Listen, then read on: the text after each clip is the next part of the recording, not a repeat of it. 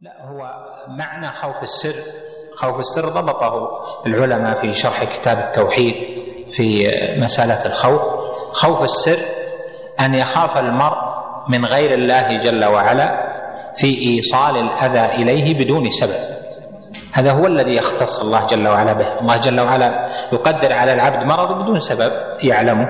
يقدر الموت له سبب يؤذيه بدون ما يعلم أما إذا كان الشيء له سبب ظاهر أو كان له سبب لكنه يخشى أن يكون الجن يتسبب فيه فيما ويكون سبب آه، طبيعي مثل الخوف في آه، من الدخول في الأماكن المهجورة أو في الظلام أو نحو ذلك يخاف من الشياطين من الجن.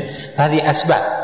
لكن خوف السر خوف السر أن يخاف أن يناله الولي أو أن يناله الجني أو نحو ذلك بغير سبب يعني أن يعتقد أن عنده قوة وتصرف حيث يؤذيه بدون سبب. هذا ليس بحاصل. ما ممكن الجني من أن يؤذي العباد بدون سبب. الجني هو مثل مثل الإنس ما يؤذي بدون سبب. فإذا خاف منه أن يوصله إلى الإيذاء بدون أسباب يعني لا اعتداء من الإنس ولا فعل يعني أو شيء يدل عليه من الجن فهذا لا يجوز. وإذا كان الخوف خوف طبيعي ناتج ليس خوف اعتقاد وإنما هو ناتج عن ضعف الإنسان وليس خوف اعتقاد في الجن وإنما يخاف من إيذائهم واعتدائهم في مثل البيوت فهذا قد يدخل في الخوف الطبيعي الذي يخشاه الإنسان ولا يدخل لا في الخوف المحرم ولا في الخوف الشركي فإذا المسألة ليس على إطلاقها لكن يوضحها لك ضابط خوف السر الذي وصفته لك. نعم. اللي هو؟ لا بدون سبب يمكنهم أن أن يعملوه. ما هو بدون سبب ظاهر. قد يقول هو سبب خفي. قد يعمل هو يقول الجني بسبب خفي ما أدري عنه. لكن هو بدون سبب يمكنهم أن يعملوه. يعني مثلا أنه يتسلط الجني آه، يخاف من الجني أن يؤذيه آه، دائما. يخاف من الجني أن يتسلط على أولاده ليش؟ لماذا يخاف؟ يخاف اعتقاد. ليس خوفا طبيعيا خوف اعتقاد. يعتقد أن الجن يتسلطون. مثل ما كان الكفار إذا نزلوا واديا قالوا نعوذ بسيد هذا الوادي من سفهاء قومه. يظنون كل وادي له جن يمسكونه وأنهم يعتدون على الناس وأنه وهذا هو الذي نزل في قوله تعالى وأنه كان رجال من الإنس يعوذون برجال من الجن فزادوهم رهقا لأن سببه الخوف. خوف من شيء لا يملكونه فهذا خوف اعتقاد خوف السر خوف اعتقاد يعني يعتقد أن هذا الذي خاف منه يوصل الأذى إليه بدون سبب. بدون سبب يعلمه. بدون سبب معقول ولكن هو عنده القدرة هذه. فإذا اعتقد هذا الاعتقاد في ولي أو في جني أو نحو ذلك فهذا هو خوف السر. أما خاف من مكان مظلم خاف من الجن هذا قد يدخل في الخوف الطبيعي في بعض الحالات ليس خوف اعتقاد. هل يقام على ساب الصحابة شيء من العقاب؟ اليوم عندنا بحث عن الصحابة. هل يجوز قراءة الأخبار الموجودة في كتب الأدب عن الصحابة وما جرى بينهم من الردود؟ يجوز لمن يقوى على فهم العقيدة أو عنده أصل شرعي يرجع إليه. ما يحل بالمسلمين هذه الأيام في الشيشان فهل يجوز القنوت لهم في الفرائض؟ القنوت قنوت النوازل هذا مربوط بإذن الإمام بإذن ولي الأمر. ليس لآحاد الناس أن يقنتوا لمن شاءوا. ونزلت بالصحابة رضوان الله عليهم نوازل كثيرة فما قنتوا إلا إذا أذن ولي الأمر فإنه يقنت. واللي جرى عليه الأمر في هذه البلاد أن أنه إذا جرى قام جرت الفتوى على القنوت فإنه يرفع بذلك إلى ولي الأمر فيأذن بالقنوت. إذا جاءت الفتوى فهنا لا بد من فتوى ليس لأحد من الناس في مسجده أن يقنت دون إذن. فالناس في هذا تبع للإمام مع أن القول الصحيح في هذا أنه لا, لا تقنت كل المساجد لأنه لما حصل القنوت في عهد النبي عليه الصلاة والسلام إنما قنت هو في مسجده عليه الأعظم عليه الصلاة والسلام. أما المساجد الأخرى مسجد قباء ومسجد آه، ومسجد آه، المساجد الأخرى مسجد العالية ومسجد بني زريق المساجد الأخرى لم تقنط في المدينة وإنما قنت المسجد الأعظم. لهذا الرواية الثالثة عن الإمام أحمد في المسألة أن الناس تبع للإمام إذا قنت وبإذا أذن إذا قنت. يعني نقصدون بالإمام يعني في المسجد الأعظم. فليس كل مسجد يقنط. وهذا في الحقيقة هو أولى الأقوال وأحظاها بالدليل أنه ليس كل المساجد تقنط أن هذا دعاء وإذا قام به بعض المؤمنين كفى عن الآخرين. كذلك إذا جاء الإذن بوقته ليس له أن يجعل في وقت آخر. يعني جاء الإذن مثلا أن يقنت في الفجر فيقتصر على الفجر. ليس له أن يقنت في المغرب أو يقنت العشاء لأن هذا تبع الفتوى وليس لأحد الناس في المساجد أن يجتهدوا. نكتفي بهذا القدر. اقرأ. نعم. بسم الله الرحمن الرحيم. الحمد لله رب العالمين وصلى الله وسلم على نبينا محمد. وعلى آله وأصحابه والتابعين. قال الإمام أبو جعفر أحمد بن محمد الطحاوي رحمه الله تعالى ونحب أصحاب رسول الله صلى الله عليه وسلم ولا نفرط في حب أحد منهم. ولا نتبرأ من أحد منهم ونبغض من يبغضهم وبغير الخير يذكرهم ولا نذكرهم إلا بخير وحبهم دين وإيمان وإحسان وبغضهم كفر ونفاق وطغيان. بارك الله فيك. الحمد لله وبعد. قال الطحاوي رحمه الله تعالى ونحب أصحاب رسول الله صلى الله عليه وسلم ولا نفرط في حب أحد منهم ولا نتبرأ من أحد منهم. ونبغض من يبغضهم وبغير الخير يذكرهم ولا نذكرهم إلا بخير وحبهم دين وإيمان وإحسان وبغضهم كفر ونفاق وطغيان. هذه الجملة من المسائل العظيمة لتعلقها بخير الخلق من هذه الأمة وهم صحابة رسول الله صلى الله عليه وسلم. والكلام في الصحابة صار عقيدة في حبهم وبغض من يبغضهم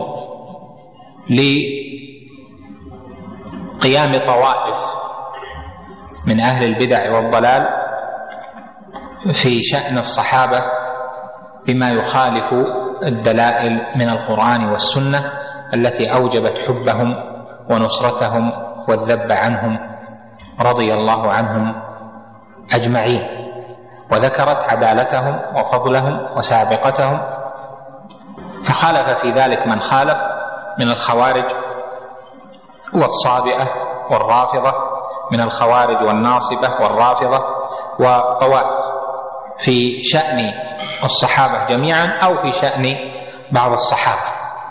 فكان منهج أهل السنة والجماعة وعقيدتهم أن يثنى على جميع الصحابة وأن نحب أصحاب رسول الله صلى الله عليه وسلم جميعا.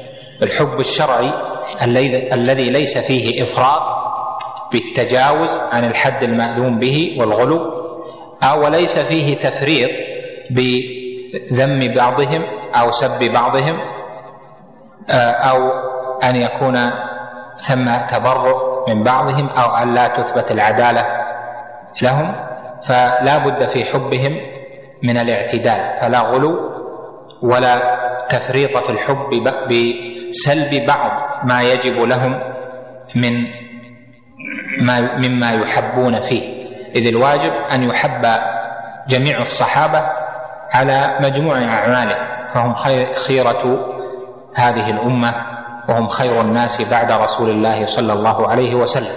وفي الأصل كما هو معلوم أن هذا ليس من مسائل الاعتقاد. لأن مسائل الاعتقاد وما يجب على المرء أن يعتقده في أمور الغيب. وصارت من مسائل الاعتقاد لأنها مما تميز به أهل السنة والجماعة الفرقة الناجية بما خالفوا فيه الفرق الأخرى. فكان المسلمون على جماعة في اعتقادهم وفيما يقولون به ثم خالفت الفرق المختلفة كالخوارج والرافضة والناصبة وأشباه هؤلاء في مسائل.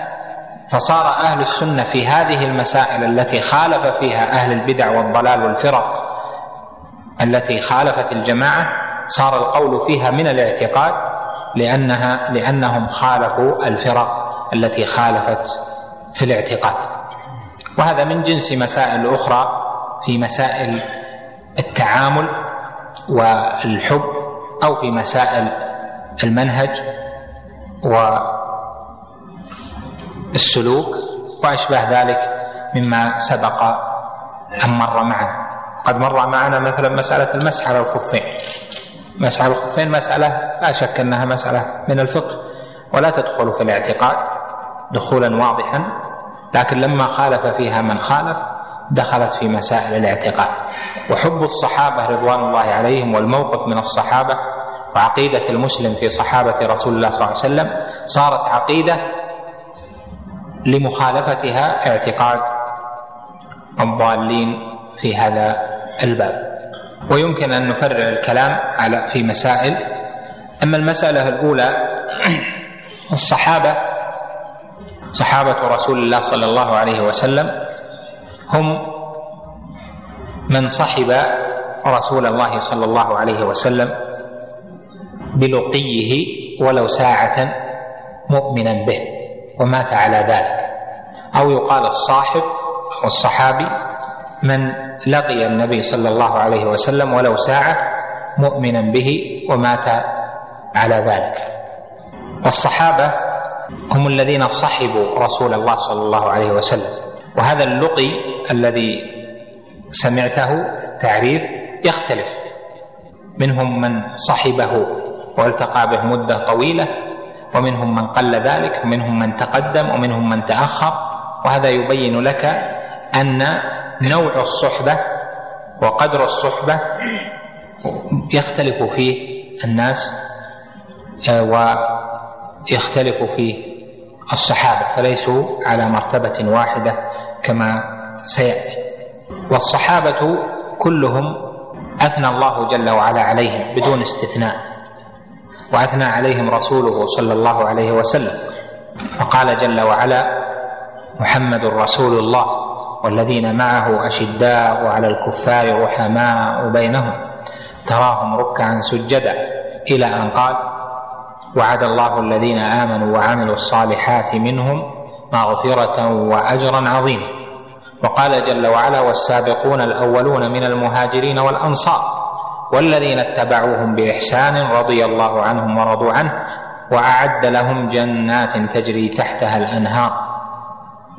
وكذلك قوله جل وعلا لقد رضي الله عن المؤمنين إذ يبايعونك تحت الشجرة حتى سميت هذه البيعة بيعه بيعة الرضوان لأن الله رضي ما عملوه رضي بيعتهم فسميت بيعة الرضوان. و منها أيضا قول النبي عليه الصلاة والسلام خير الناس قرني ثم الذين يلونهم ثم الذين يلونهم. كذلك قوله عليه الصلاة والسلام كما في الصحيحين لا تسبوا أصحابي فوالذي نفس محمد بيده لو أنفق أحدكم مثل أحد ذهبا ما بلغ مد أحدهم ولا نصيفة.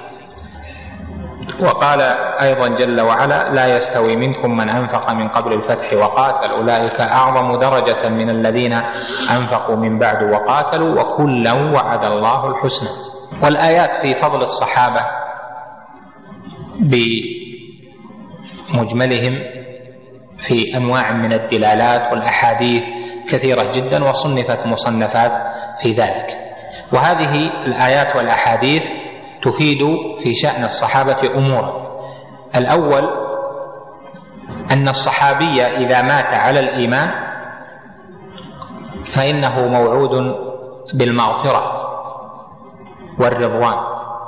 والثاني أن الصحابة كلهم عدول لتعديل الله جل وعلا لهم وثنائه عليهم ومعنى العدالة هنا أنهم عدول في دينهم وفيما يروون وينقلون من الشريعة وأن ما حصل منهم من اجتهاد ما حصل من بعضهم من اجتهاد فإنه لا يقدح عدالتهم ولا ينقصها. لمضي ثناء الله جل وعلا عليهم مطلقا الثالث أن سب الصحابة ينافي ما دلت عليه الأدلة من الثناء عليهم وهو منهي عنه بالنص فلذلك أفادت هذه الآيات حرمة سب الصحابة كما سيأتي تفصيل الكلام على ذلك إن شاء الله. الرابع أن الآيات دلت على أن الصحابة يتفاوتون في المنزلة وفي المرتبة وأنهم ليسوا على درجة واحدة. المسألة الثانية قال الطحاوي ونحب أصحاب رسول الله صلى الله عليه وسلم ولا نفرط في حب أحد منهم ولا نتبرأ من أحد منهم. حب الصحابة فرض وواجب وهو من الموالاة الواجبة للصحابة. وهذا الحب يقتضي أشياء. الأول قيام المودة في القلب لهم والثاني الثناء عليهم في كل موضع يذكرون فيه والترضي عنهم. والثالث ألا يحمل أفعالهم إلا على الخير فكلهم يريد وجه الله جل وعلا. والرابع أن يذب عنهم لأن من مقتضى المحبة والولاية بل من معنى المحبة والولاية النصرة. أن ينصرهم إذا ذكروا بغير الخير أو انتقص منهم منتقص أو شكك في صدقهم أو عدالتهم أحد فإنه واجب أن ينتصر لهم رضي الله عنهم. وهذا الحب توسط فيه أهل السنة والجماعة بين طرفين.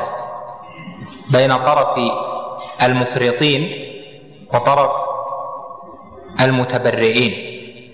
أما الغلاة والمفرطون في الحب فهم الذين جعلوا بعض الصحابة لهم خصائص الإلهية كما فعل طائفة مع علي رضي الله عنه وكما فعل طائفة مع أبي بكر أو غلوا بما هو دون الإلهية بأن يجعلون هذا الحب يقتضي انتقاص غيرهم. فيحب أبا بكر وينتقص عليا أو يحب عليا رضي الله عنهم وينتقص أبا بكر. فهذا إفراط وغلو. فالوسط هو طريقة الصحابة وأهل السنة فإن الحب يقتضي موالاة الجميع وألا يغلو المسلم في أي صحابة بل يحبهم ويودهم ويذكرهم بالخير ولا يجعل لهم شيئا من خصائص الإله. بل أجمع أهل العلم أن من ادعى في صحابي أنه أن له شيئا من خصائص الإله أو أنه يدعى ويسأل كما يعتقد في علي رضي الله عنه ونحوه أنه كافر بالله العظيم. وهذا الغلو وقع فيه كثير في الأمة بعد ذلك فأقيمت المزارات والمشاهد والقبور والقباب على قبور الصحابة كقبر أبي أيوب الأنصاري في قرب إسطنبول. وكقبر أبي عبيدة بن الجراح في الأردن وكقبر عدد من الصحابة في الحسين والحسن وعلي إلى آخره في أمصار مختلفة. فجعلوا قبورهم من فرط المحبة أوثانا يأتون فيسألون ويدعون ويستغيثون ويتقربون للصحابة وهذا إفراط وليس هو الحب الماذوم به بل هذا حب معه الشرك المحقق إذا وصل إلى سؤال الميت ودعائه والتقرب إليه. وفي المقابل يكون فعل طائفة ضالة أخرى تتبرأ من الصحابة جميعا كفعل الزنادقة أو تتبرأ من أكثر الصحابة كفعل الرافضة والخوارج. أو تتبرأ من طائفة من الصحابة كفعل النواصب ومن شابهه فهؤلاء تبرأ. ومنهم من يعتقد أنه لا حب ولا ولاء إلا ببراء. يعني لا يصلح حب صحابي ولا صحابي إلا بالتبرع إلا بالتبرؤ ممن ضاده. ويجعلون في ذلك أن حب علي رضي الله عنه والولاء لعلي والحسن والحسين يقتضي بغض أبي بكر وبغض عمر وبغض عثمان ومن سلب هؤلاء حقهم كفعل الرافضة عليهم من الله ما يستحقون. لهذا كان معتقد أهل السنة والجماعة في هذا أن التبرؤ من الصحابة واعتقاد أنه لا موالاة إلا بالبراءة أن هذا ضلال وقد يوصل إلى الكفر كما سيأتي في بابه في المسألة إن شاء الله. قال بعدها ونبغض من يبغضهم وبغير الخير يذكرهم وهذا من مقتضى المحبة الوسط ودين الله وسط بين الغالي والجافي فإننا من ذكرهم بخير. أحببناه ومن ذكرهم بغير الخير أبغضناه لأن من مقتضى المحبة والولاية أن يحب من يحبهم وأن يبغض من يبغضهم. المسألة الثالثة أصحاب رسول الله صلى الله عليه وسلم على مراتب يختلفون في منزلتهم فأعظم الصحابة وأرفع الصحابة العشرة الذين بشروا بالجنة في مكان واحد وهم الذين يشتهر عند الناس أنهم العشرة المبشرون بالجنة والذين بشرهم النبي صلى الله عليه وسلم بالجنة أكثر من عشرة عددهم كثير من الصحابة ولكن خص هؤلاء بفضل لأنهم بشرهم عليه الصلاة والسلام بالجنة في مكان واحد. وفي حديث واحد ساقهم عليه الصلاة والسلام أبو بكر في الجنة وعمر في الجنة وعثمان في الجنة وعلي في الجنة وطلحة في الجنة وسعد في الجنة إلى آخر العشره فهؤلاء هم أفضل الصحابة وترتيبهم في الفضل كترتيبهم في الذكر. لأن النبي صلى الله عليه وسلم رتبهم كترتيبهم في الفضل. فأبو بكر أفضل ويليه عمر ثم يليه عثمان ثم يليه علي إلى إلى آخره. يلي هؤلاء المهاجرون أعني جنس المهاجرين الذين أسلموا في مكة وتقدم إسلامهم وصبروا مع رسول الله صلى الله عليه وسلم وصابوا حتى هاجروا. ثم الذين شهدوا بدرا من المهاجرين والأنصار فهم يلونهم في الفضل. ثم جنس الأنصار الذين سبقوا وأثنى الله عليهم بقوله والسابقون الأولون من المهاجرين والأنصار. والمراد بالسبق هنا السبق إلى الإيمان به عليه الصلاة والسلام وتصديق رسالته والجهاد معه. فهذا هو السبق الذي له الفضل العظيم. ثم بعد ذلك يليهم من أسلم قبل الفتح. ويقصد بالفتح هنا الصلح. صلح الحديبية أو فتح مكة وهو الذي جاء فيه قول الله جل وعلا لا يستوي منكم من أنفق من بعد الفتح من قبل الفتح وقاتل. أولئك أعظم درجة من الذين أنفقوا من بعد وقاتلوا وكلا وعد الله الحسنى. فالذي أسلم وآمن وأنفق وجاهد من قبل الصلح صلح الحديبية أو من قبل فتح مكة فإنه أفضل ممن بعده. ولذلك يقال لكثير من الصحابة مسلمة الفتح يعني الذين أسلموا بعد فتح مكة. وهؤلاء هم الفئة الأخيرة من أسلم من بعد الفتح إلى عام الوفود. ثم بعد ذلك دخل الناس في دين الله أفواجا يعني السنة التاسعة والعاشرة حتى حج النبي عليه الصلاة والسلام. هؤلاء هم أقل الصحابة منزلة. وهذا ترتيب لما دلت عليه الأدلة من التفضيل. المسألة الرابعة بل قبلها تضيفون على التفضيل السابق الأقسام أن المراد بهذا التفضيل الجنس. يعني جنس هذه الطائفة على جنس هذه الطائفة. يعني التفضيل في الظاهر باعتبار الجنس. فقد يكون قد يكون في بعض الطبقات من هو أفضل ممن قبله.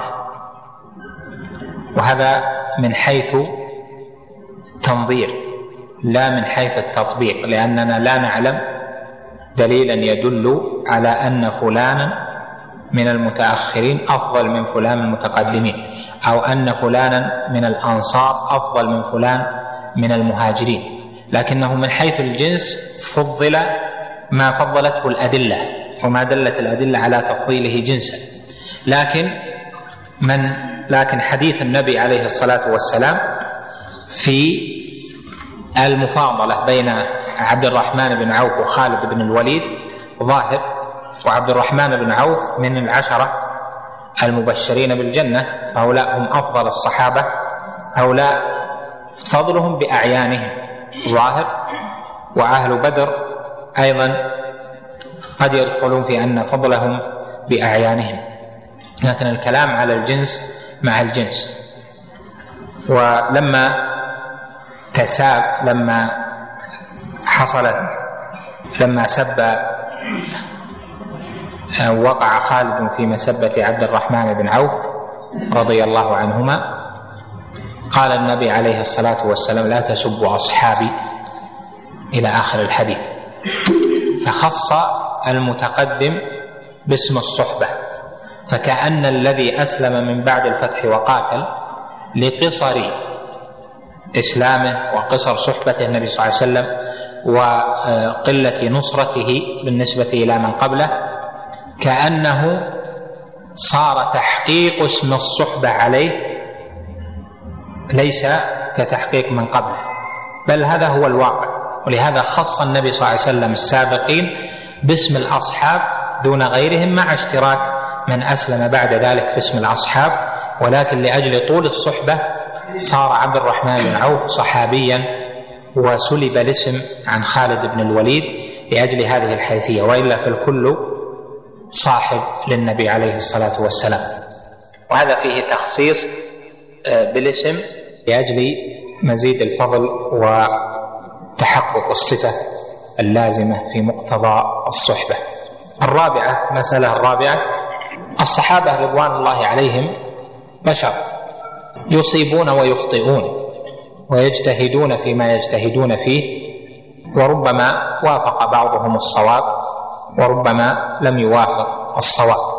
لهذا الواجب على المؤمن من مقتضى المحبة والنصرة أن يحمل جميع أعمال الصحابة على إرادة الخير والدين وحب الله جل وعلا وحب رسوله صلى الله عليه وسلم. وأن ما اجتهدوا فيه إما أن يكون لهم فيه الأجران إذ أصابوا وإما أن يكون لهم فيه الأجر الواحد إذ أخطأوا. وكل عمل لهم مما اجتهدوا فيه حتى القتال فإنه معفو عنهم فيه لأنهم مجتهدون. فلا نحمل أحدا من الصحابة على إرادة الدنيا المحضة. وإنما يعني فيما اجتهدوا فيهم في القتال وإنما نحملهم على أنهم أرادوا الحق واجتهدوا فيه فمن مصيب ومن مخطئ. ولهذا كان الصحابة وهم يتقاتلون يحب بعضهم بعضا ولا يتباغضون كما أبغض طائفة منهم من جاء بعد ذلك من أهل البدع. فلم يكن أحدهم يذم الآخر ذما يقدح في دينه أو يقدح في عدالته وإنما بين من يصوب نفسه ويخطئ غيره وبين من يعتزل أو يثني على الجميع واشباه ذلك. وهذا هو الواجب في اننا نحمل أفعالهم على الحق والهدى وإن كان بعضهم يكون أصوب من بعض أو بعضهم يكون مصيبا والآخر مخطئا. وما جرى من الصحابة من الشجار فيما يجتهد فيه والقتال أو ما اجتهد فيه الصحابة في المسائل العملية في علاقته مع بعض الصحابة الآخرين هذا لا يبحث فيه وإنما يذكرون بالخير ونعتمد على الأصل الأصيل وهو أن الله جل وعلا أثنى عليه. وخاصة أهل بيعة الرضوان الذين أنزل الله جل وعلا فيهم قوله لقد رضي الله عن المؤمنين إذ يبايعونك تحت الشجر وكانوا إذ ذاك ما بين ألف وأربعمائة وألف وخمسمائة قد رضي الله عنهم وأرضاهم. المسألة الخامسة سب الصحابة تبرؤ منهم وإذا سب بعضا فهو تبرؤ منهم تبرؤ ممن سب أو بعض تبرؤ ممن سب. لأن حقيقة السب عدم الرضا عمن سب وكره ما فعل وإلا فإن الراضي يحمد ويثني والمبغض هو الذي يسب ويتبرأ. لهذا نهى النبي عليه الصلاة والسلام عن سب الصحابة فقال لا تسبوا أصحابي. وهذا يقتضي التحريم. فكل سب للصحابة محرم وأكد ذلك عليه الصلاة والسلام بقوله من سب أصحابي فقد آذاني. واذيته عليه الصلاة والسلام محرمة كبيرة وكذلك إيذاء الصحابة. فقد قال جل وعلا والذين يؤذون المؤمنين والمؤمنات بغير ما اكتسبوا فقد احتملوا بهتانا وإثما مبينا. وإيذاء الصحابي احتمال للإثم المبين وهذا دخول في المحرمات الشديدة. ومعنى السب معنى السب أن يشتم بلعن أو يتنقص أو يطعن في عدالتهم أو في دينهم أو أن يتنقصهم بنوع من أنواع التنقص عما وصفهم الله جل وعلا به. وهذا يختلف بأنواع. قد يشتم بعض الصحابة هذا سب قد يتنقص من جهة دينية وقد يتنقص من جهة دنيوية أو لا تنقص من عدالته. مثلا في الجهة الدينية أن يقول إنه لم يكن مؤمنا كان لم يكن مؤمنا مصدقا كان فيه نفاق أو أن يقول عن الصحابة كان فيهم قلة علم أو بعضهم فيه قلة ديانة أو كان فيهم شرف على المال أو حب للمناصب أو كان في بعضهم رغبة في النساء جاهدوا لأجل النساء أكثر من النساء تلذذا في الدنيا هم طلاب دنيا إما في وصفهم جميعا أو في وصف بعض. هذه أمثلة لأنواع السب والقدح الذي قد يرجع إلى قدح في دينهم وقد يرجع إلى آه، تنقص لهم في عدالتهم وما أشبه ذلك. وسب الصحابة رضوان الله عليهم كما أنه محرم قد اختلف العلماء فيه. هل يكون كفرا أم لا؟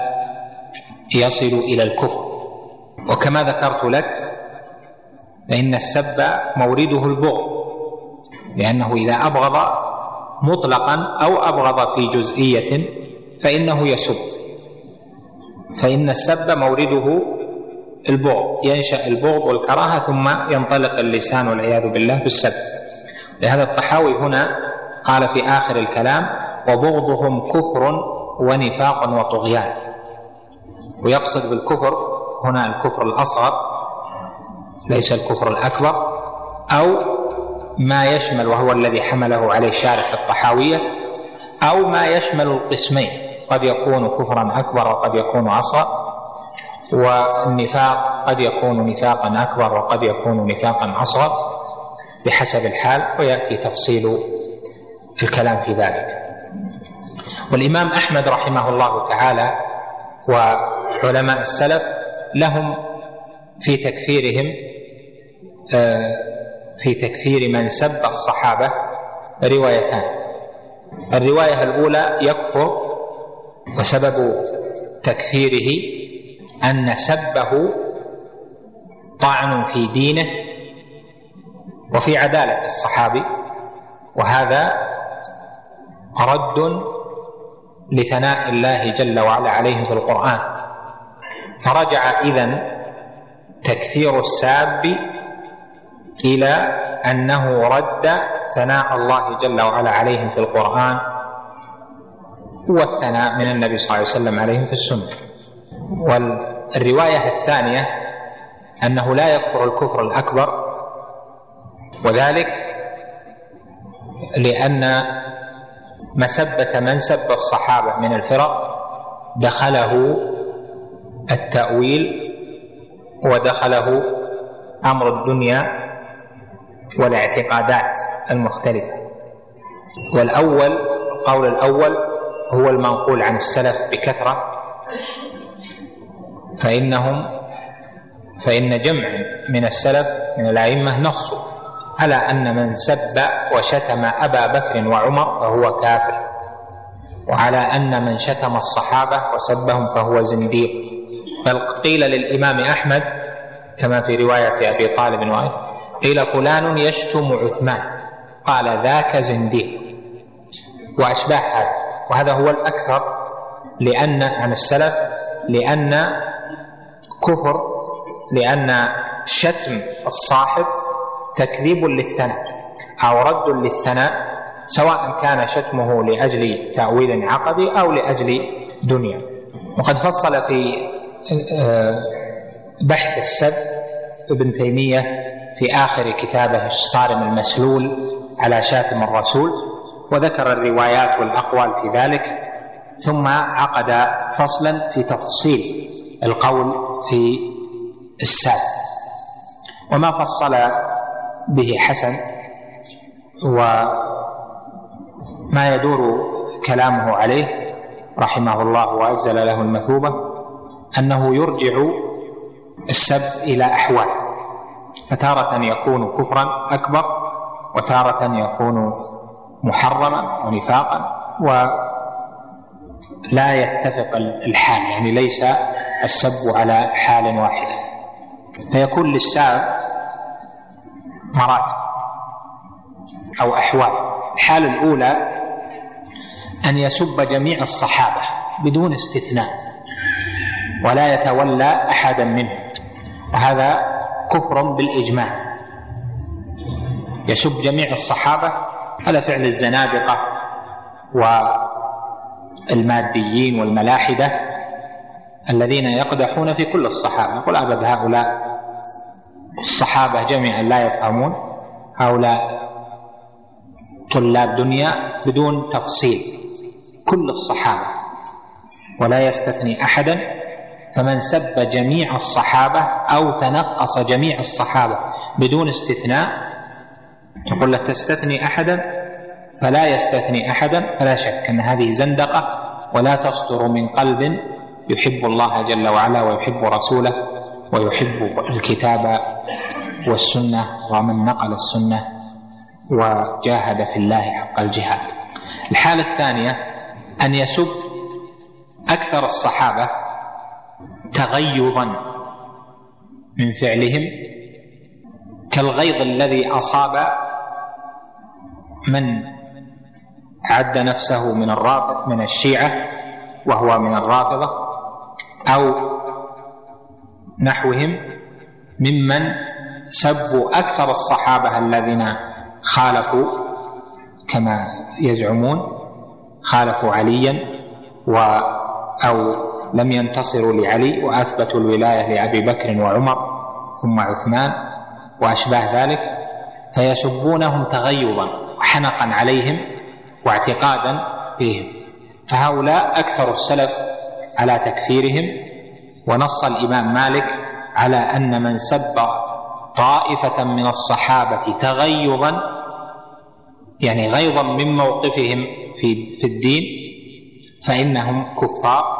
لقول الله جل وعلا في آية سورة الفتح ومثلهم في الإنجيل ومثلهم في التوراة كزرع ذلك مثلهم في التوراة ومثلهم في الإنجيل كزرع أخرج شطأه فآزره فاستغلظ فاستوى على سوقه يعجب الزراع ليغيظ بهم الكفار فالذي يكون في قلبه غيظ ويغتاظ من الصحابة ألحقه الله جل وعلا بالكفار واستدل بها مالك رحمه الله تعالى إمام دار الهجرة على أن من سبهم أو سب طائفة منهم تغيظا فهو كافر.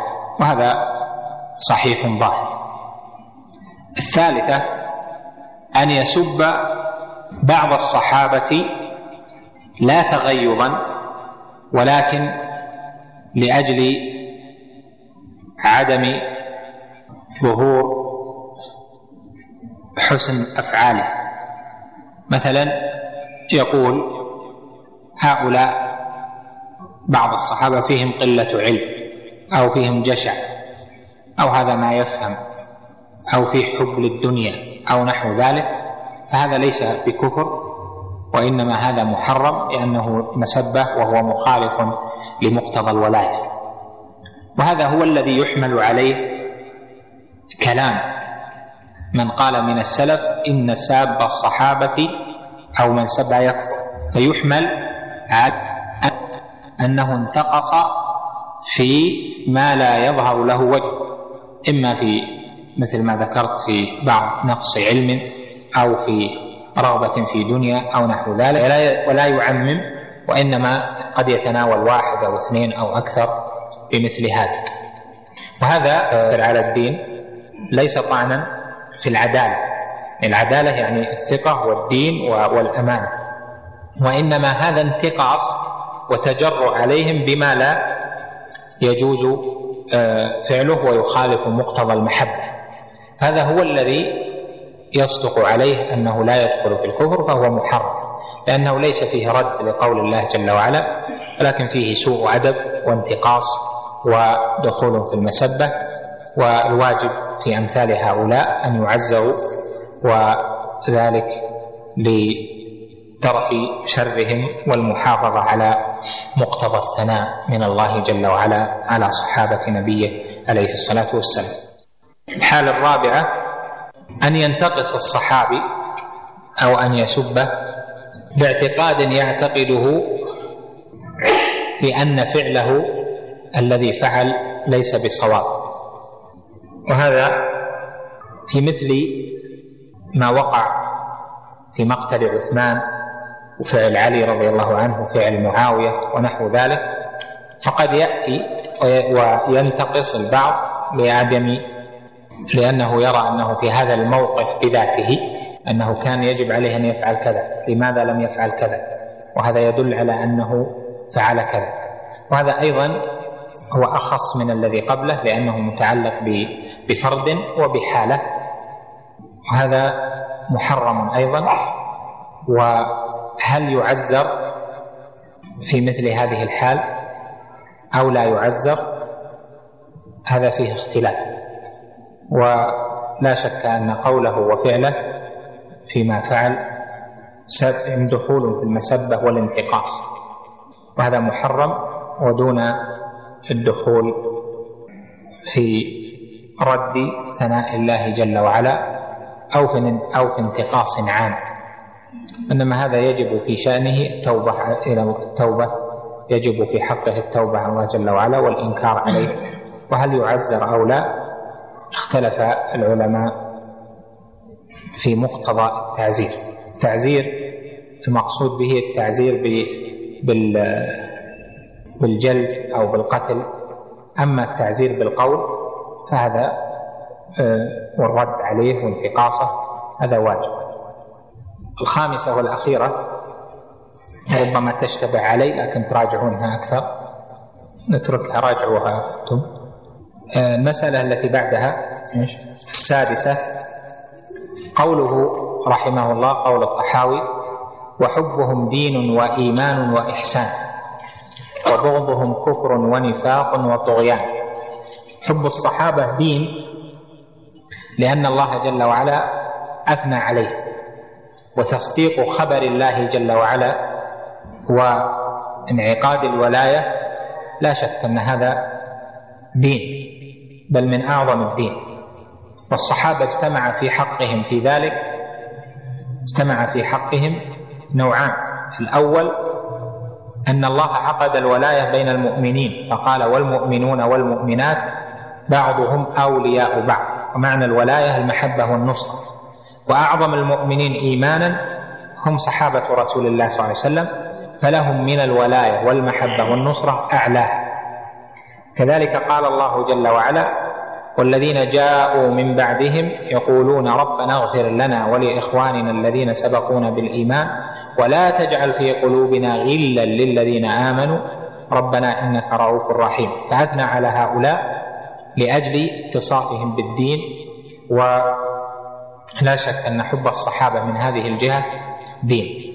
الناحية الثانية أو الجهة الثانية أن تصديق خبر الله جل وعلا فيما أثنى الله به عليهم في آيات كثيرة سواء ما أثنى به على المهاجرين والأنصار كجنس أو ما أثنى به على أهل بيعة الرضوان أو ما أثنى به على السابقين أو ما أثنى به على جميع من مع النبي عليه الصلاة والسلام محمد رسول الله والذين معه هذا يشمل الجميع.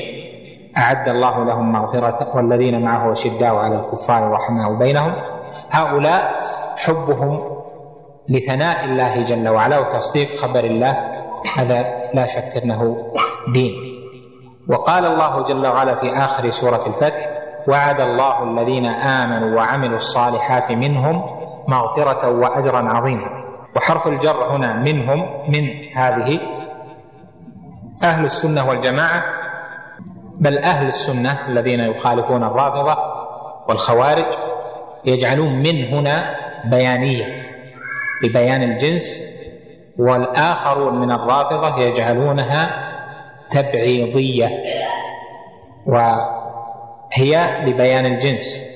وعد الله الذين آمنوا وعملوا الصالحات لو لم يقل منهم لصارت تشمل كل مؤمن عمل الصالحات وهذا يدخل فيه أجناس تابعين وتبع التابعين ومن وليهم إلى يوم القيامة. فأراد تخصيص جنس الصحابة بهذا الفضل وهو الوعد بالمغفرة والأجر العظيم.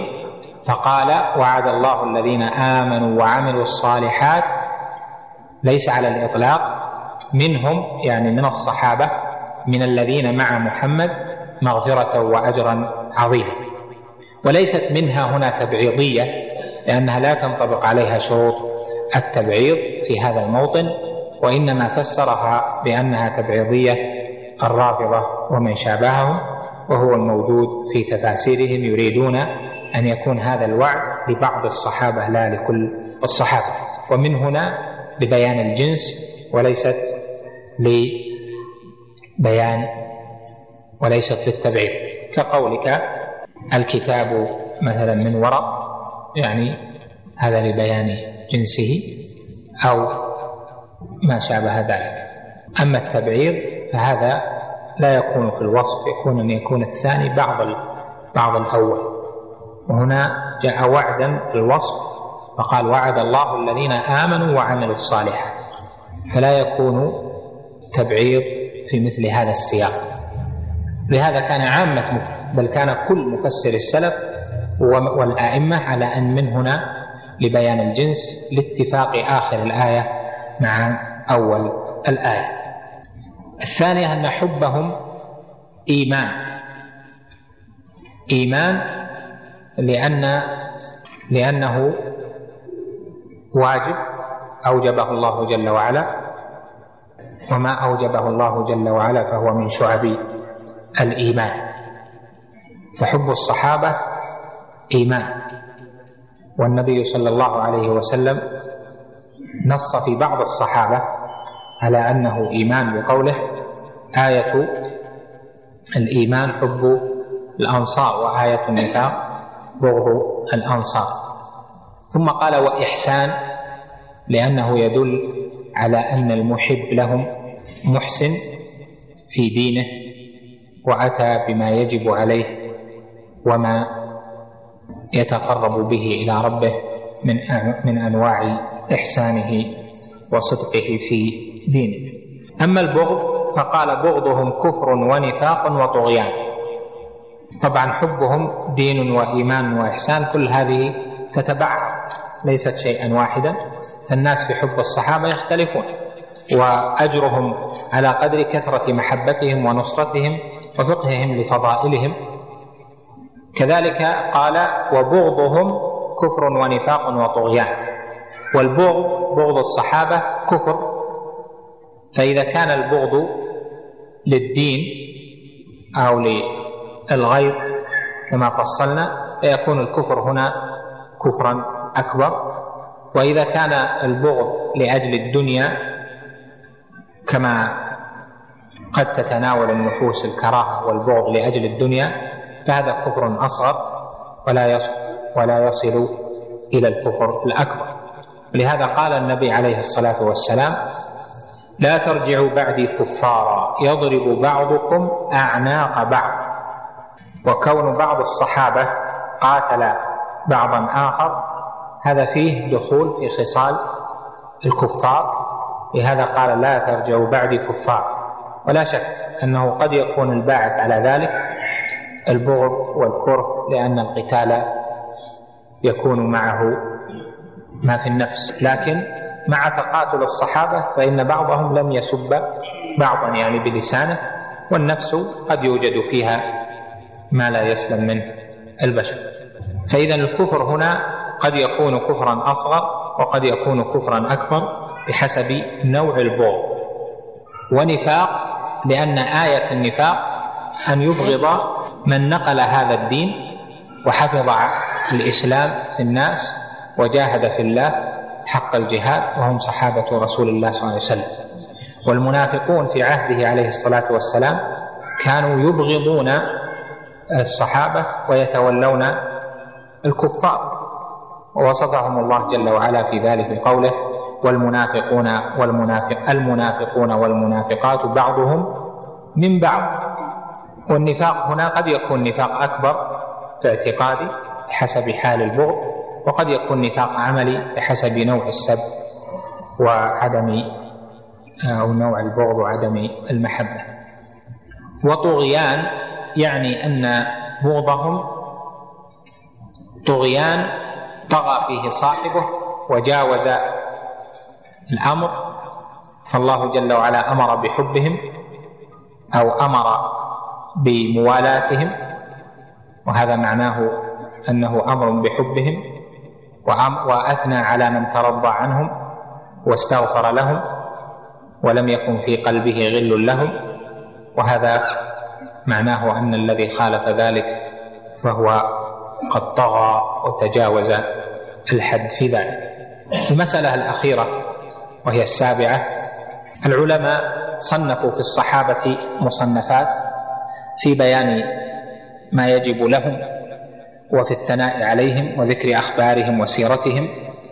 ولا شك أن الدفاع عن الصحابة والتأليف في ذلك من الجهاد خاصة في الأزمنة التي يكثر فيها أو يوجد فيها من يقدح في الصحابة أو في بعضهم. فإن من مقتضى الولاية أن ينصر الصحابة بالتآليف وبالرد وبالذب عنهم وببغض من يبغضهم.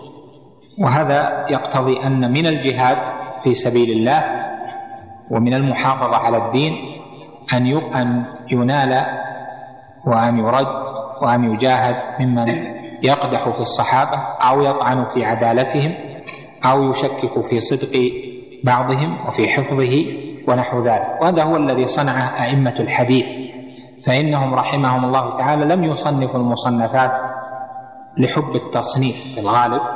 ولكن لأجل نصرة الدين وأفراد ما أوجب الله جل وعلا البيان فيه. التأليف في الصحابة إما التأليف المستقلة أو فيما في كتب أهل الحديث مناقب الصحابة مناقب المهاجرين مناقب أبي بكر مناقب عمر إلى آخره كما في كتاب المناقب في البخاري أو كتاب فضائل الصحابة في مسلم آه، أو آه، غير ذلك كما هو معروف. فهذا من الجهاد في سبيل الله ومن البيان للأمة. فالذي ينبغي لطلاب العلم خاصة في هذا الزمن أن ينتبهوا لهذه الأصول وأن يعلموا آه، ما فيها وأن تكون عدتهم دائمة في بحث في هذا البحث للجهاد إذا جاء ما يستوجبه في المواطن التي تنتقص فيها مكانة الصحابة من المبغضين لهم أو لبعضهم قبحهم الله. نكتفي بهذا القدر. نجيب عن سؤالين. يقول ذكرتم أن مسائل الصحابة ليست في الأصل من مسائل الاعتقاد وفي الحديث حب الأنصار إيمان وبغضهم نفاق. وهل ثم فرق بين كونهم الإيمان وكونهم مسائل الاعتقاد؟ نعم الإيمان شعبه كثيرة. الإيمان بضع وستون شعبة أو بضع وسبعون شعبة. فمنها ما يدخل في مسائل الاعتقاد ومنها ما لا يدخل. فأصل حب الصحابة هي مسألة حب موالاة وهذه ليست من من العقيدة لأن أصل العقيدة ما يتعلق بمسائل الغيب. ثم دخل فيها ما يتميز به أهل السنة والجماعة من غيره.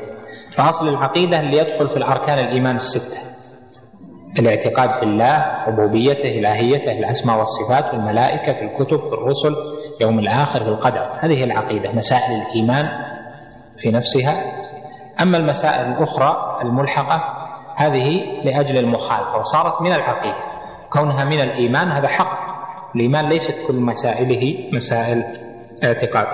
أراني أجد في نفسي شيئا على معاوية رضي الله عنه.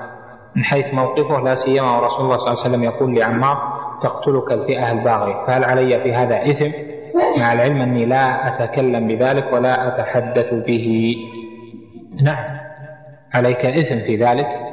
إذا كان العلم سهلا عليك أن تتحصل عليه وأن تجلو هذه الشبهة وتبقى وأنت لا تجلو هذه الشبهة عندك كون الشيء يكون في نفس الإنسان وليس عنده وسيلة لكشفه ولا وسيلة لتعلم ما يدفع عن هذه الشبهة وتسويل الشيطان هذا قد يعذر معه لكن إذا كان العلم قريبا والكتب موجودة وأهل العلم الذين يكشفون الشبه موجودون فهذا يأثم الإنسان بالتقصير ويأثم على بقاء هذا الشيء في نفسه.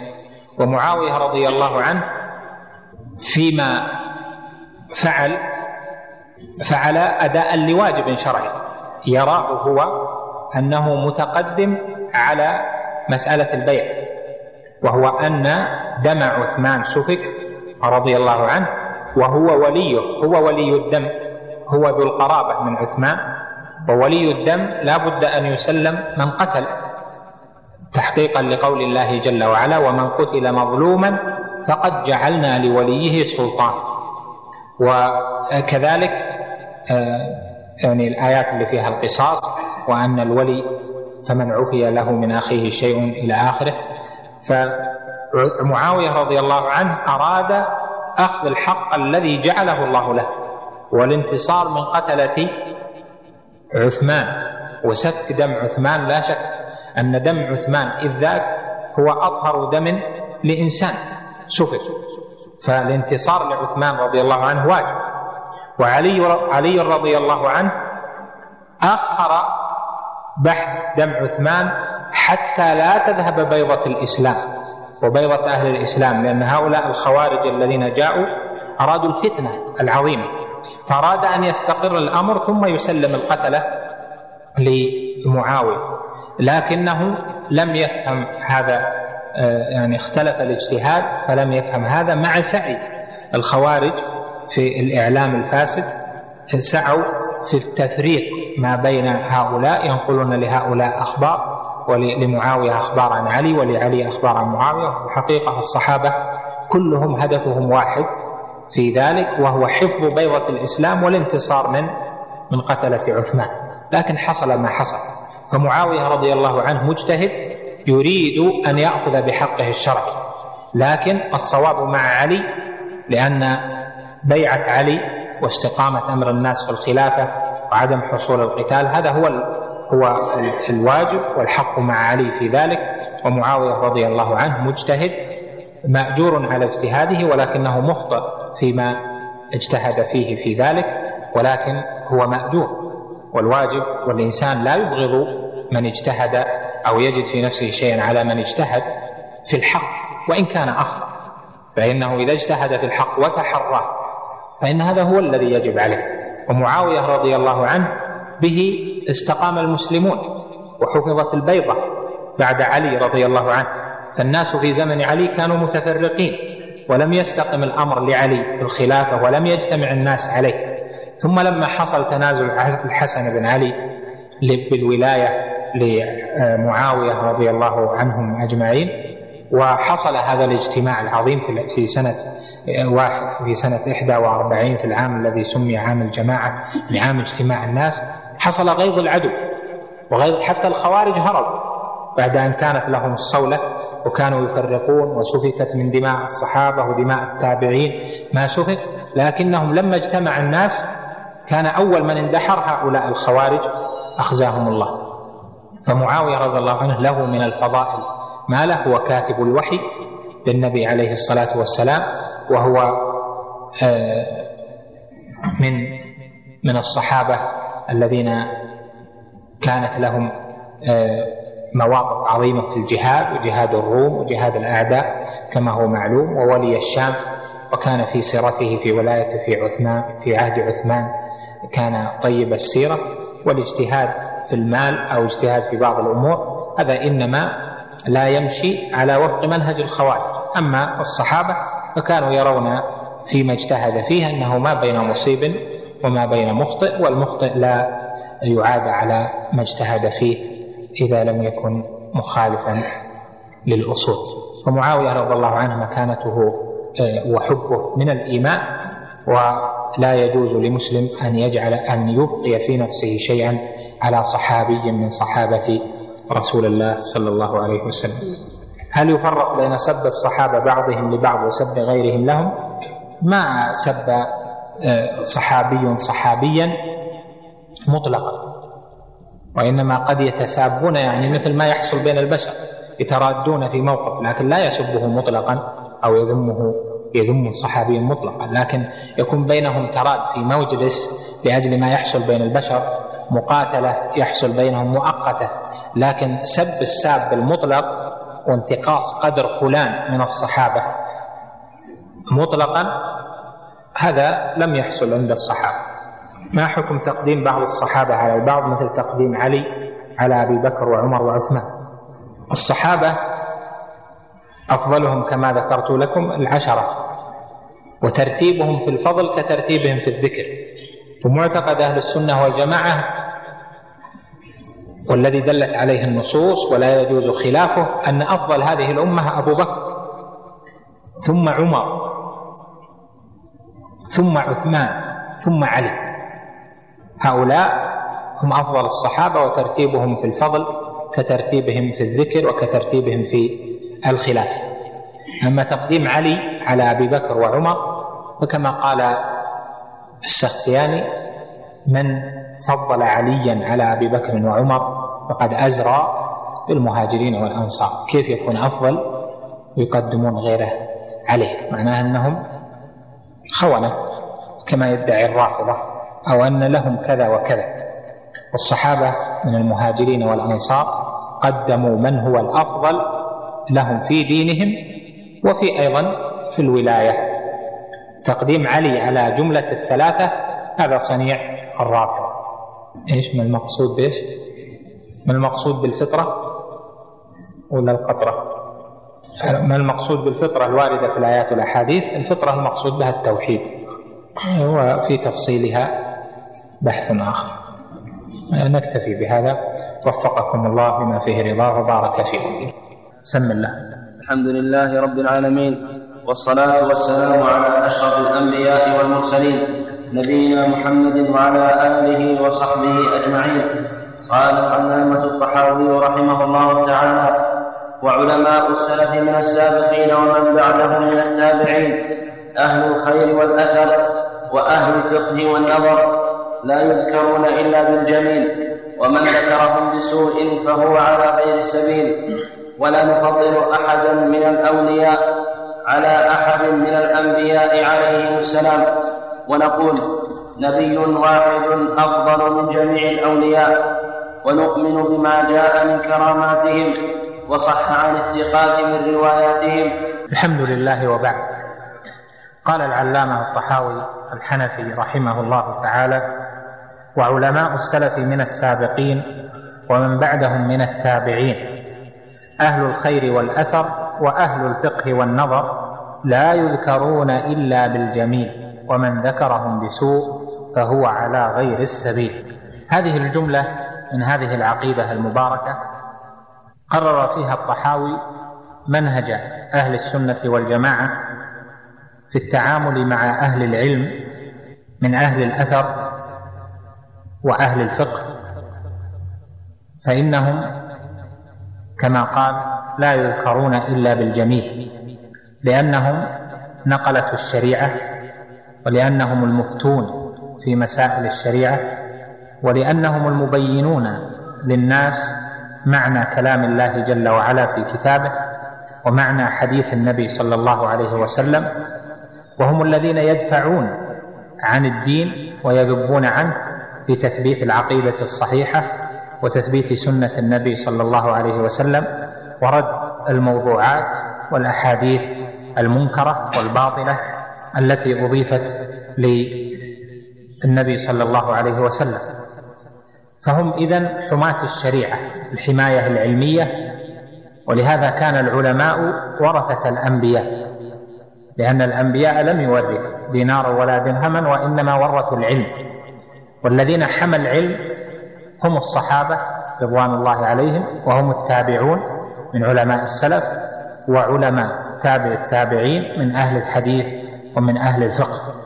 فهؤلاء منهج أهل السنة والجماعة أن يذكر الجميع بالجميل وألا نقع في عالم من العلماء لا من هؤلاء لا من أهل الحديث ولا من أهل الفقه بل يذكرون بالجميل ولا يذكرون بسوء وإنما يرجى لهم فيما أخطأوا فيه أنهم إنما اجتهدوا ورجوا الأجر والثواب والخطأ لا يتابع عليه صح.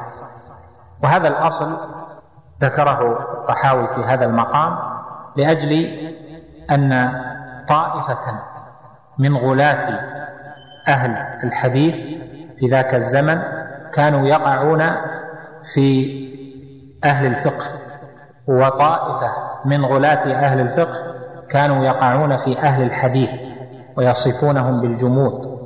وأهل السنة الذين تحققوا بالكتاب وبسنة النبي صلى الله عليه وسلم وبهدي الصحابة يعلمون أن الجميع محسن وأن هؤلاء وهؤلاء ما أرادوا إلا نصرة الشريعة والحفاظ على العلم والفقه.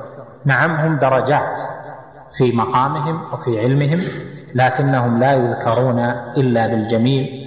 والله جل وعلا سخر هؤلاء لشيء وسخر هؤلاء لشيء.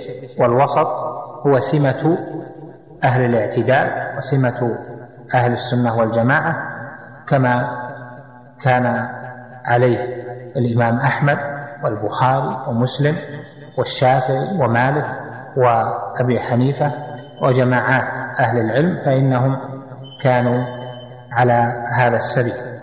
ونذكر ها هنا مسائل. الأولى أن ذكر العلماء بالجميل وعدم ذكرهم بأي سوء أو قدح هذا امتثال لشيئين. الأول امتثال لقول الله جل وعلا والمؤمنون والمؤمنات بعضهم أولياء بعض. ولقوله يرفع الله الذين آمنوا منكم والذين أوتوا العلم درجات. ولقوله جل وعلا ولو ردوه إلى إلى الرسول ولو ردوه إلى الرسول وإلى أولي الأمر منهم لعلمه الذين يستنبطونه منهم فأوجب الله فبين الله جل وعلا منزلة أهل العلم وبين فضل العلم وفضل أهله وأنهم مرفوعون عن سائر المؤمنين درجات لما عندهم من العلم بالله جل وعلا. وبين أن المؤمن للمؤمن موالي أن المؤمن يوالي المؤمن. ومعنى هذه الموالاة في قوله والمؤمنون والمؤمنات بعضهم أولياء بعض هي من الولاية وهي المحبة والنصرة. وهذه المحبة والنصرة عند أهل السنة والجماعة تتفاضل بتفاضل تحقق وصف الإيمان. فالمؤمن يحب ويوالي المؤمن الآخر إذا كان كامل الإيمان أكثر من نصرته ومحبته لمن كان دونه. ومعلوم أن العلماء هم الذين أثنى الله جل وعلا عليهم وأثنى عليهم رسوله صلى الله عليه وسلم. فواجب إذن بنص الآية أن يوالوا وأن يذكروا بالجميل وأن يحبوا وأن ينصروا وألا يذكروا بغير الحسن والجميل. الأصل الثاني أو الشيء الثاني لما قاله هنا أن القدح في أهل العلم فيما أخطأوا فيه وسيأتي مسألة مستقلة لذلك إن شاء الله أن القدح فيهم يرجع في الحقيقة عند العامة إلى قدح في حملة الشريعة ونقلة الشريعة وبالتالي فيضعف في النفوس محبة الشرع لأن أهل العلم حينئذ في النفوس ليسوا على مقام رفيع وليسوا على منزلة رفيعة في النفوس فحينئذ يشك فيما ينقلونه من الدين وفيما يحفظون به الشريعة فتؤول الأمور حينئذ إلى الأهواء والآراء فلا يكون ثم مرجعية إلى أهل العلم فيما أشكل على الناس فتتفصم عرى الإيمان وتتناثر نجوم اليقين. لهذا كان ذكر العلماء بسوء هو من جنس ذكر الصحابة بسوء. ولهذا أتبع الطحاوي ذكر العلماء أتبع ذكر الصحابة بذكر العلماء. يعني لما فرغ من ذكر الصحابة ذكر العلماء لأن القدح في الصحابة والقدح في العلماء منشأه واحد ونهايته واحدة.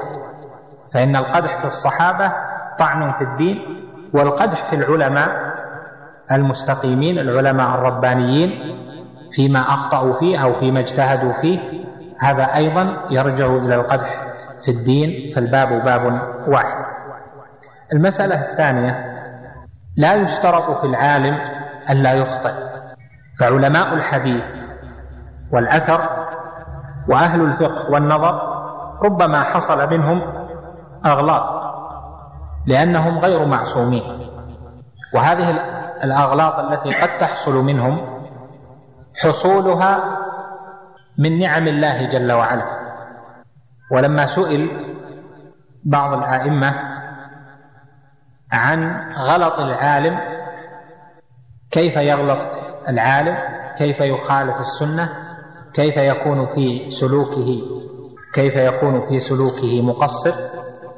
كيف يغيب عن ذهنه في مسألة التدقيق ويتساهل؟ فقال لئلا يشتبه العلماء لئلا يشابه العلماء الأنبياء. لأن النبي هو الذي لا ينطق عن الهوى هو الذي يصيب في كل شيء وهو الذي يتبع في كل شيء. فإذا كان العالم على صواب كثير وربما وقع في اجتهاد هو عليه مأجور ولكنه أخطأ في ذلك. لم يكن عند الناس رفع للعالم في منزلة النبي فيتبع على كل شيء. فيحصل في النفوس التوحيد والبحث عن الحق الكتاب والسنة والنظر فيما يبرئ الذمة في ذلك. وهذه عبوديات في القلب يسلكها الناس مع وجود هذا الخلاف بين أهل العلم. لهذا إذا نظرت في هؤلاء الذين عناهم الطحاوي أهل الخير والأثر وأهل الفقه والنظر هو عنى بهم أوليا عنى بهم الآئمة الأربعة. أبو حنيفة وهو من أهل الفقه والنظر ليس هو من أهل الحديث والأثر. والإمام مالك والشافعي وأحمد وهؤلاء هم أئمة أهل الحديث كما أنهم أئمة أهل الفقه في المذاهب المتبوعة المعروفة. هؤلاء بينهم خلاف في مذاهبهم.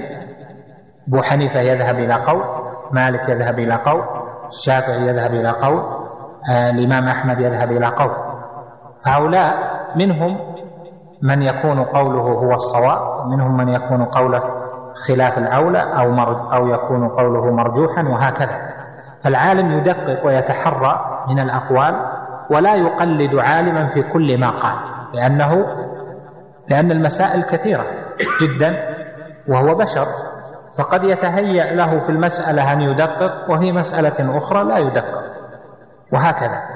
لهذا وجب على أهل الإيمان أن يتولوا جميع العلماء وأن يذكروهم بالخير وأن لا يذكروا أحدا منهم بسوء وخلافهم فيما اختلفوا فيه راجع إلى أسباب يأتي ذكرها إن شاء الله. فليس منهم أحد أراد المخالفة وإنما كلهم أراد المتابعة وتحري الحق.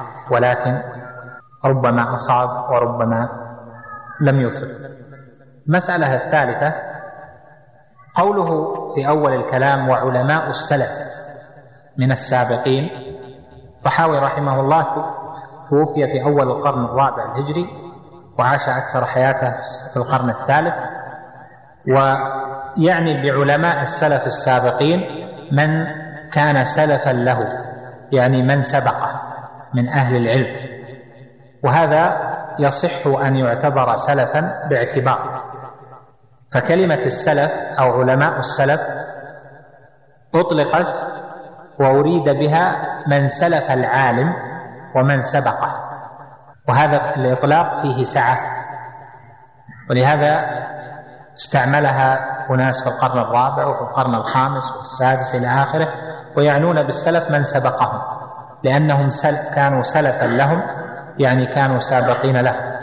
والاصطلاح الثاني وهو المعتمد عند المحققين أن كلمة علماء السلف يعنى بها علماء القرون الثلاثة المفضلة من الصحابة والتابعين وتبع التابعين.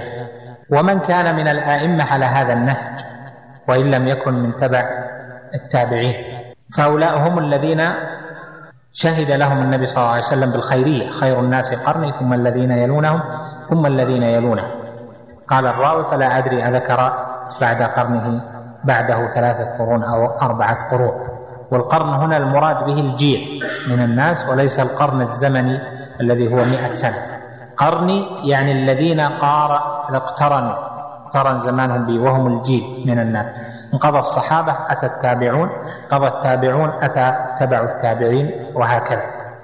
وهؤلاء هم الذين قلت فيهم البدع وقل فيهم الخلاف للسنة وكثر فيهم الخير بشهادة النبي صلى الله عليه وسلم وبشهادة الواقع أيضا. فإذا كلمة السلف علماء السلف يعنى بها هذا وقد تطلق على من سلف وسبق على ما ذكرت لك من الاصطلاح الخاص. المسألة الرابعة الطحاوي في هذه الجملة قسم العلماء إلى قسمين. قال أهل الخير والأثر وأهل الفقه والنظر فجعل العلماء على فئتين الفئة الأولى أهل الأثر والفئة الثانية أهل الفقه والنظر.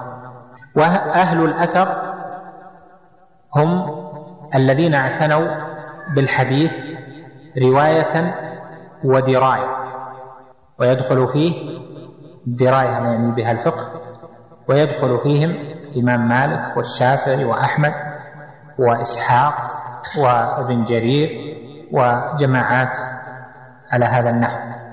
ويقصد بأهل الفقه والنظر الذين غلبوا القواعد المستنبطة الكلية على السنن المروية وهم أصحاب الرأي والنظر في مدرستين الكبيرتين في المدينة التي كان يتزعمها الإمام ربيعة مشهور بربيعة الرأي وفي الكوفة التي كان يتزعمها الإمام أبو حنيفة النعمان بن ثابت رحمهم الله تعالى أجمعين. أهل الفقه أهل الفقه والنظر يعتنون بالسنة لكن عنايتهم بالسنة قليلة. وأهل الحديث والأثر يعتنون بالنظر لكن عنايتهم بالأقيسة وبالتقعيد قليلة.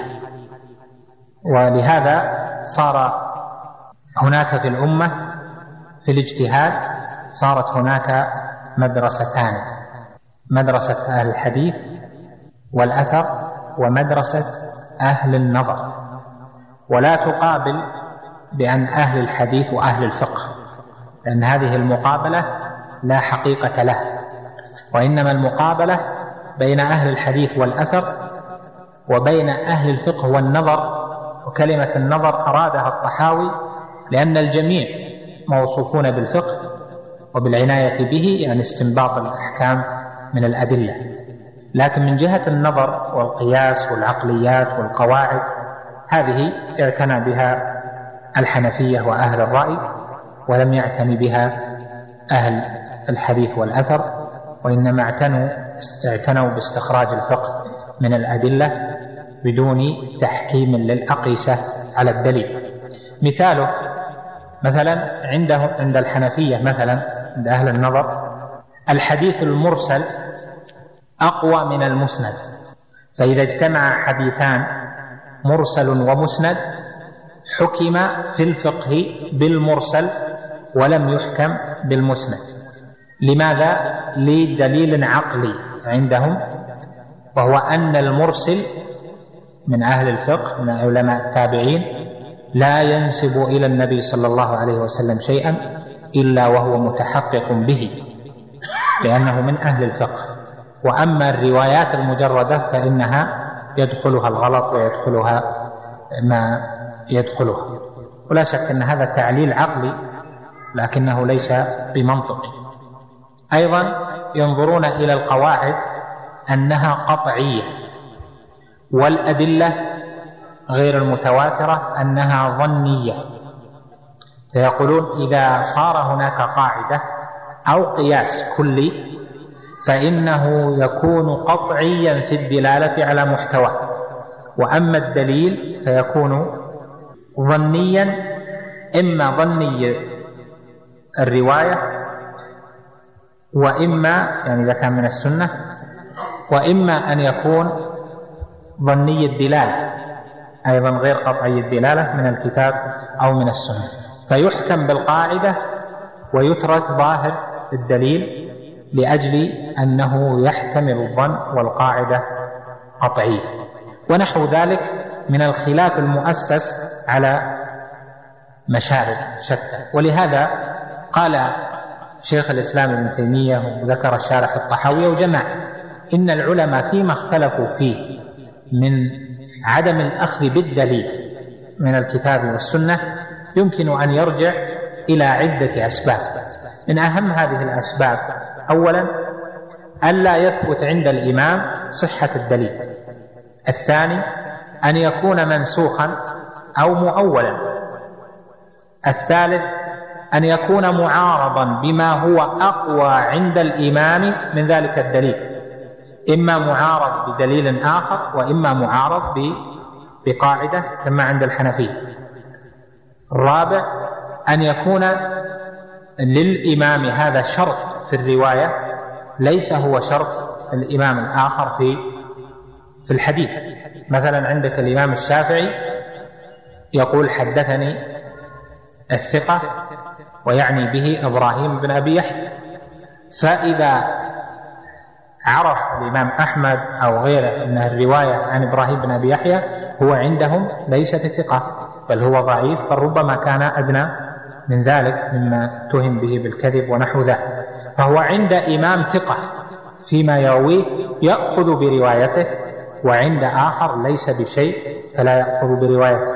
وهذا يبين لك أن اختلاف الأئمة من أهل الفقه والنظر وأهل الحديث والفقه والأثر أن اختلاف الأئمة في ذلك اختلاف ليس راجعا إلى عدم الأخذ بالدليل ولكنه راجع إلى فهم الدليل وما هو الدليل الذي يستدل به وكون الدليل راجحا غير مرجوح. ولهذا لا يوجد في مسألة أن يقال ليس للعالم هذا دليل. أنا لا أعلم مسألة يقال ليس للإمام أبي حنيفة فيها دليل أو ليس للإمام أحمد فيها دليل أو ليس للإمام مالك فيها دليل. كل منهم لا يقول قولا ولا يذهب إلى مذهب إلا بدليل. والأدلة أعم من النصوص. أعم من النص من الكتاب والسنة لأن جماع الأدلة عند أهل الأصول يرجع إلى ثلاثة عشر دليلا. وتصير بالتفريع كما ذكره أهل الأصول وذكرها القرافي في الفروق إلى عشرين دليلا. فهذه الأدلة منها ما هو متفق على الاستدلال به ومنها ما هو مختلف في الاستدلال به. فقد يكون الدليل دليلا عند الإمام مالك وليس دليلا عند الإمام أحمد مثل عمل أهل المدينة. وقد يكون الدليل مرعيا عند الإمام أبي حنيفة وهو القاعدة ولا يكون مرعيا عند الشافعي بورود دليل من السنة في خلاف ذلك. وهكذا. فإذا مأخذ العلماء اجتهاد فواجب حينئذ إذ كانت هذه مآخذهم واجب حينئذ ألا يذكروا إلا بالجميل وألا يذكر العالم حتى فيما أخطأ فيه وابتعد في الخطأ حتى إباحة المالكية لأكل لحم الكلب وحتى في إباحة الحنفية لشرب النبيذ يعني غير المسكر لا يشن عليهم في ذلك لأنها اجتهادات فيما اجتهدوا فيه. المسألة الخامسة. أخي المستمع الكريم تابع ما تبقى من مادة هذا الشريط على الشريط التالي.